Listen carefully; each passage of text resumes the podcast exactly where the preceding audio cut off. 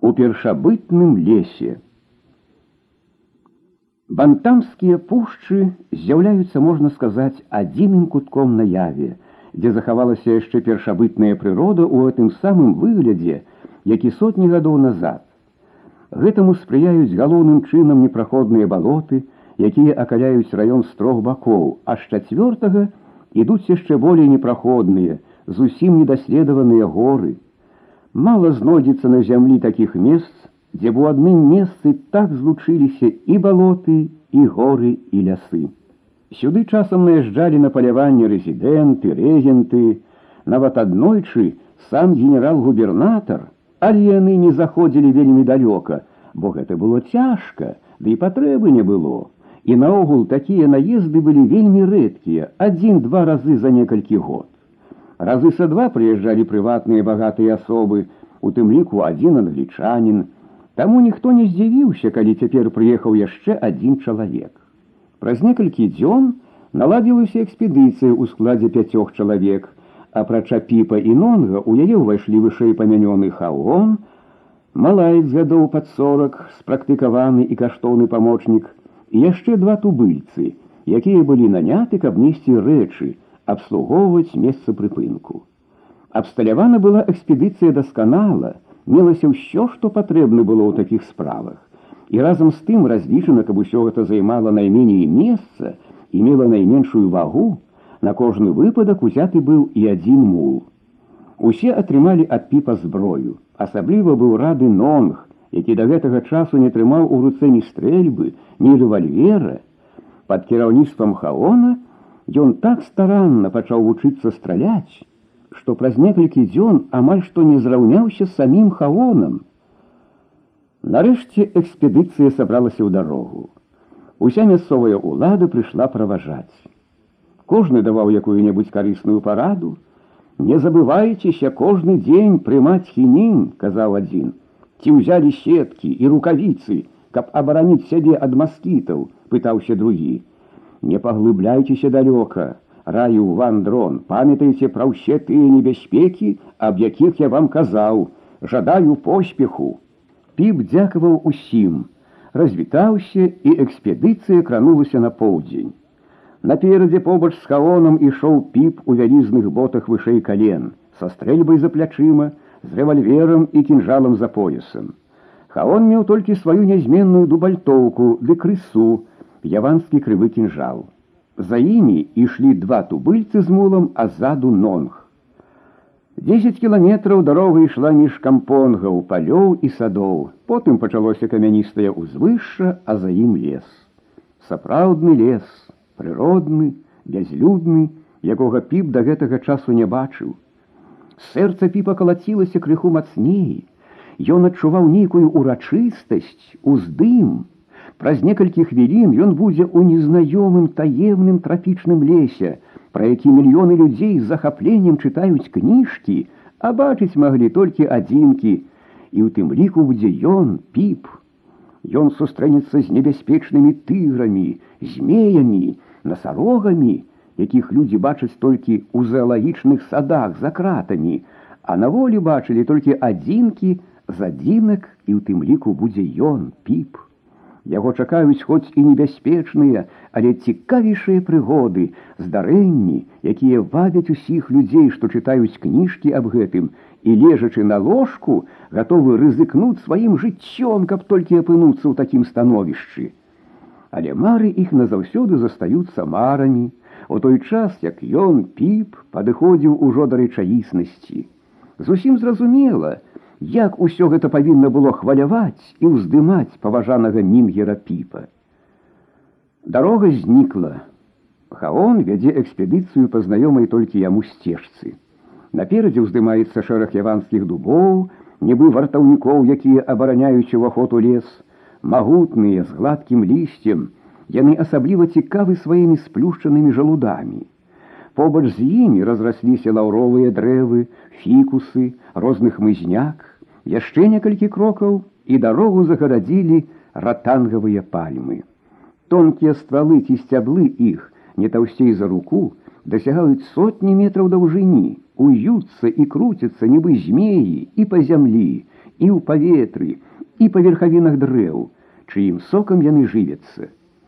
Піп сунуўся быў, каб пралезці паміж іх, але зараз жа пачуў, што нехта сцягнуў з яго шапку, азірнуўся, шапка хістаецца ў паветры. Што гэта за д'ябал такі, вылаяўся ён. Асцярожней, назад, крыкнуў хавон, з гэтымі ратангамі справу мець небяспечна. Піп павярнуўся, каб зняць сваю шапку, але ззаду яго ўжо трымалі і калолі з дзесятак крутчаў. Ён пачаў вызваляцца ад іх, але напароў руки на нейкія вострыя ражны. Паказалася кроў, справа рабілася зусім непрыемнай. Не варушыцеся, пачакайце! крыкнул нонг і падбег на дапамогу. Асцярожна, калючку за калючкай адрэзаў ён сваім крысам, і тады толькі піп вызваліўся. Ці ўсюды ў лесе так будзе, звярнуўся збянтэжаны піп да правадніка. Не ўсюды, але і нярэдка адказаў той, тут на кожным кроку можна чакаць перашкод. Толькі некалькі крокаў прайшлі яны, а ўжо непрыемныя перашкоды. А што будзе далей? Нездарма гэты край застаецца непрыступным, нездарма сюды ніхто не ходзіць. Але хутка піў забыўся пра здарэнне. Перад ім з'яўляліся ўсё новыя і новыя цікавыя расліны адных толькі пальмаў колькі парод і высокія і нізенькія у адных лісця недзе на недасяжнай вышыні у другіх вылазіць проста з зямлі і сярод іх славутая яванская пальма гебанг якая цвіце толькі адзін раз у сваім жыцці на пятидесятым годзе а потым памірае калі на адной палянцы піп заўважыў гэтую пальму на верхавіне якой сярод лісця больш за два метры шырыні сабранага ў адзін пук уздымалася кветка, нібы вялізны яскравы слуп, калі піп убачыў гэты момант, які адбываецца адзін раз у 50 гадоў, то спыніўся з нейкай пашанай і падумаў, дзеля аднаго гэтага варта ехаць з Еўропы. Але ўрачысты настрой быў сапсаваны страшэнным смуродам, які здавалася ішоў ад пальмы. Ці не падла якая, сказаў піп і падышоў бліжэй але смурод ішоў аднекуль ззаду за пальмы. Піп зрабіў яшчэ некалькі крокаў і заместа падлы убачыў на зямлі велічэзную кветку чырвонага колеру з белымі і ружовымі плямамі. Велічынёй яна была з добрае кола, некалькі бутонаў, якія яшчэ не расцвілі выглядалі, як качаны капусты.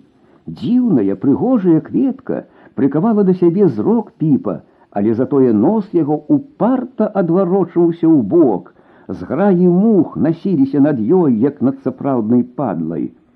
Няўжо ж гэта яна так смярдзіць, прамовіў піп. Яна туан, адказаў хаон, гэта крубута. У навуцы яна завецца рафлезія і жывіцца кареннямі другіх дрэў. З-за яе калісьці загінуў адзін вучоны, які так зацікавіўся ёю, так старанна пачаў вывучаць яе, што захварэў і праз 14 дзён памёр. Цікава яшчэ дадаць, што гэта самая вялікая кветка мае самае маленькае насенне, якое можна разглядзець толькі праз павелічальнае шкло. І нашы падарожнікі пастараліся хутчэй адысціся далей ад гэтай прыгожай кветкі. Лес рабіўся ўсё гусцейшы, так што зусім нельга было разабрацца, якая галіна да яго дрэва належыць.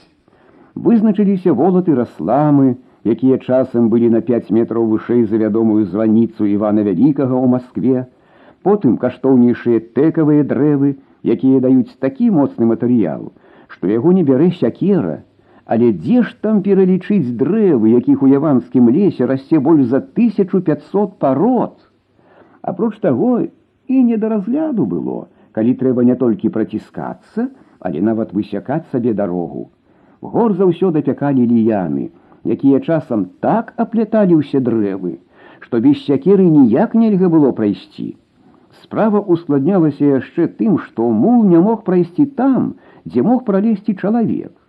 Часта прыходзілася спецыяльна для яго высякаць дарогу. Трэба яшчэ адзначыць, што наогул лес здаваўся ціхім, нібы мёртвым. Не чуваць было таго вясёлага птушынага шчэвіту, як у нашых лясах. Тыя нешматлікія птушкі, што падавалі свае галасы, хаваліся недзе наверсе. Жывёлу бачылі толькі невялікіх малпаў будэнг, прыгожых, чорных, машастовых, з капой валос на галаве не быў шапцы. Пры прыбліжэнні людзей яны ўздымалі такі вырхал на дрэвах, нібы там адбывалася бойка, а потым зноў цішыня. Паветра цёплае, душнае, вільготнае, уся зямля зарасла мохам і папараццю, дзе час ад часу мільгалі не то змеі, не то яшчаркі, Але пакуль што нічога небяспечнага не сустракалася, не кажучы ўжо аб піпу, нават тубыльцы, здавалася, былі прыгнечаны гэтым цяжкім маўклівым лесам. Адзін толькі хаон адчуваў сябе як дома. Праз некалькі гадзін усе вельмі змарыліся і спыніліся адпачыць. Тым болей, што набліжаўся штодзённы паўдзённы дождж, паставілі палатку, расклалі вогнішча і пачалі гатаваць страву. Вось дык паляванне, бурчэў піп, заместа дзічыны прыходзіцца сабою ежу несці, а ніводнай жывёліны не бачылі, калі не лічыць гэтых малпаў. Няўжо ж увесь час так будзе. Спажыўнай жывёлы ў такім гушчары наогул мала, адказаў хаон, апроч таго яна хаваецца далей ад населеных месц. Тым часам надышла навальніца. Заблішчэла маланка, загрукатаў гром, зашумеў лес, паліліся струмені вады. Тут ужо ўсе адчулі радасць і задавальненне, што сядзяць у палацы. Праз некаторы час дождж зусім перастаў, а з дрэў усё яшчэ лілася вада. Была трэцяя гадзіна. Да цямна заставалася толькі тры гадзіны, піп не ведаў, што рабіць, ці сядзець, ці ісці далей па такой вадзе, запытаўся хаона. Як туан захоча, адказаў той, павінен толькі папярэдзіць, што тут нічога не дачакаемся. У такім разе пойдзем далей, вырашыў піп і экспедыцыя знялася з месца. На гэты раз падарожжа ўжо не здавалася піпу цікавым. Знізу вода, зверху вода, мокрае галлё б'е па твары. Так прайшлі тры гадзіны, надышоў вечар, спыніліся на начлег. Увесь мокры сядзеў піп каля вогнішча, падстаўляючы то адзін, то другі бок, каб абсохнуць.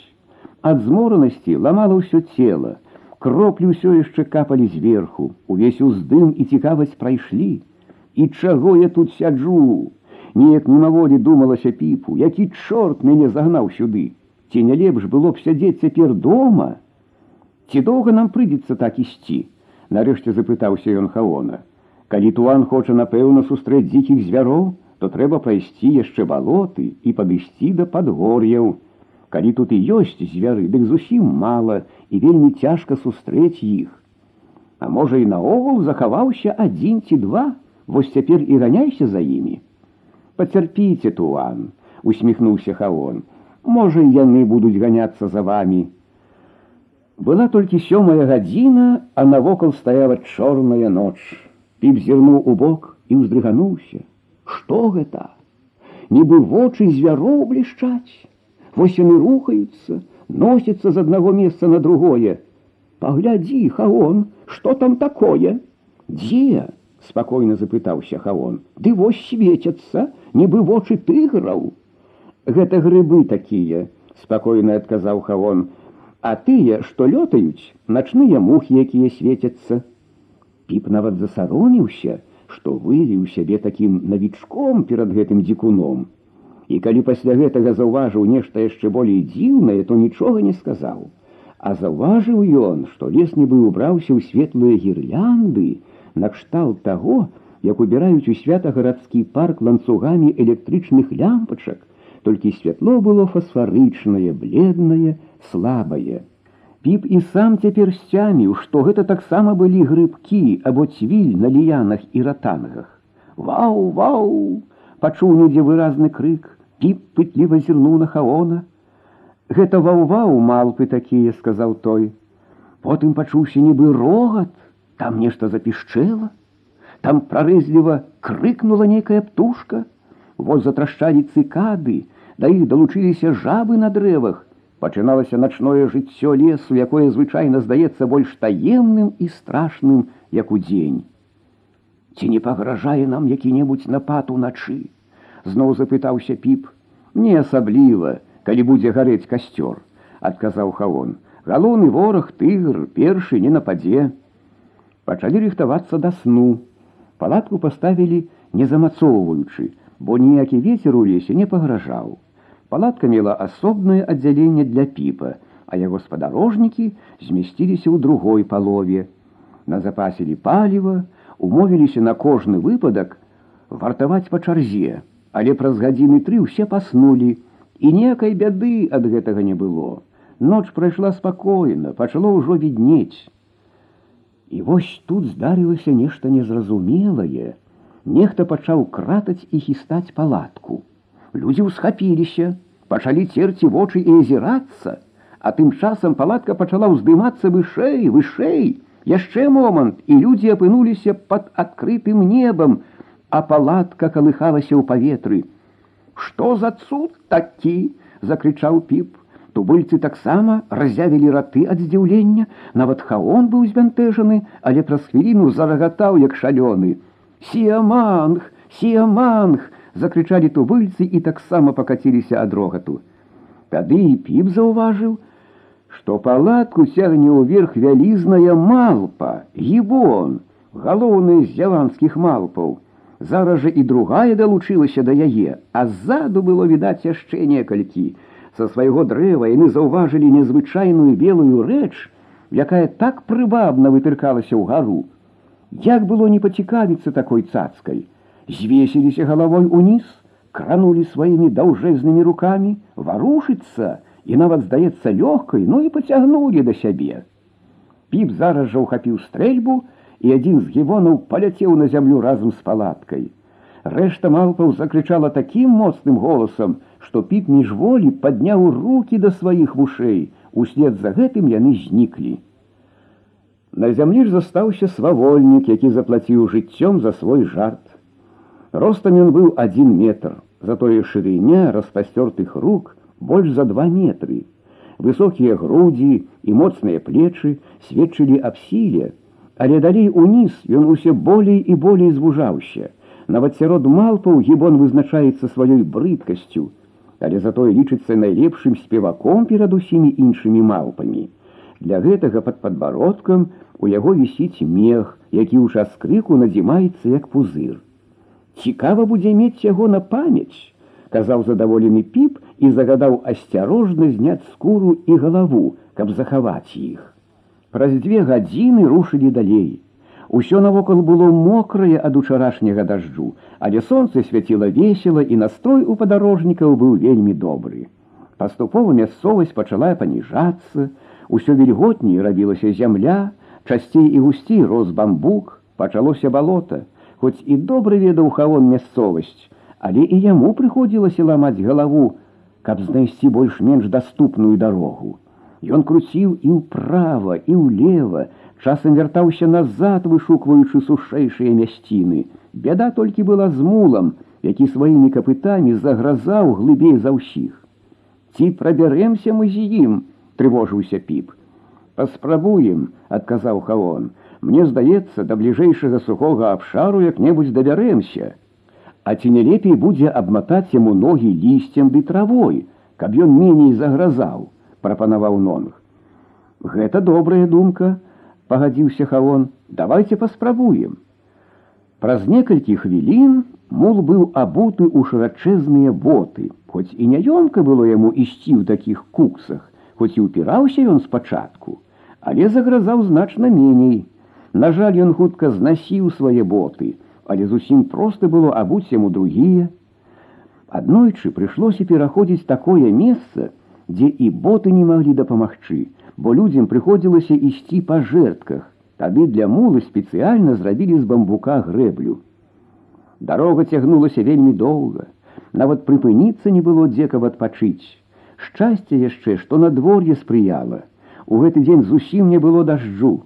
Нарэшце а гадзіне чацвёртай выйшлі на сухое месца, дзе нават былі ўзвышшы і скалы. Выбралі прытульнае месца пад скалой ля крыніцы і размясцілі свой лагер. Тут будзе наш дом, сказаў Хаон. Адсюль мы ўжо будзем хадзіць ва ўсе бакі. Мне самому можна трэба будзе патраціць дзень ці два, каб высачыць звера.